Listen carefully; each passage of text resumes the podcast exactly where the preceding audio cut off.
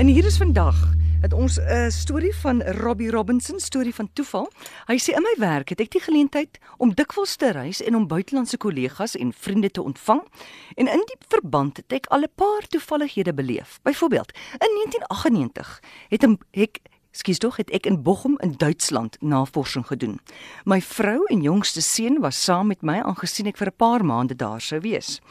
Ek het geweet van 'n kollega wat 'n in 'n stad so 150 km van Bochum af nagraads studeer het.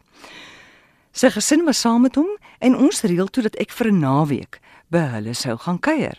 Hy bel my egter die maandag voor die tyd en vertel dat hy pas verneem het dat hy befondsing gekry het om 'n kongres in Korea by te woon, maar dat ons naweekplanne moet voortgaan aangesien hy reeds die Saterdag aand terug sou wees.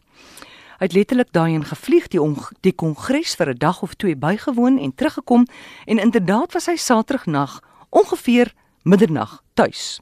Nou die volgende oggend vertel hy my dat hy 'n Koreaan met die naam van Richard Shim by die kongres ontmoet het. Nou die Koreaan het baie aandagtig na sy naamkaartjie gekyk en toe vir hom gevra of hy van Suid-Afrika is en meer in die besonder van Potchefstroom. Hy antwoord bevestigend waarop die Koreaan hom meegedeel het dat hy nagraads in Potchefstroom studeer het.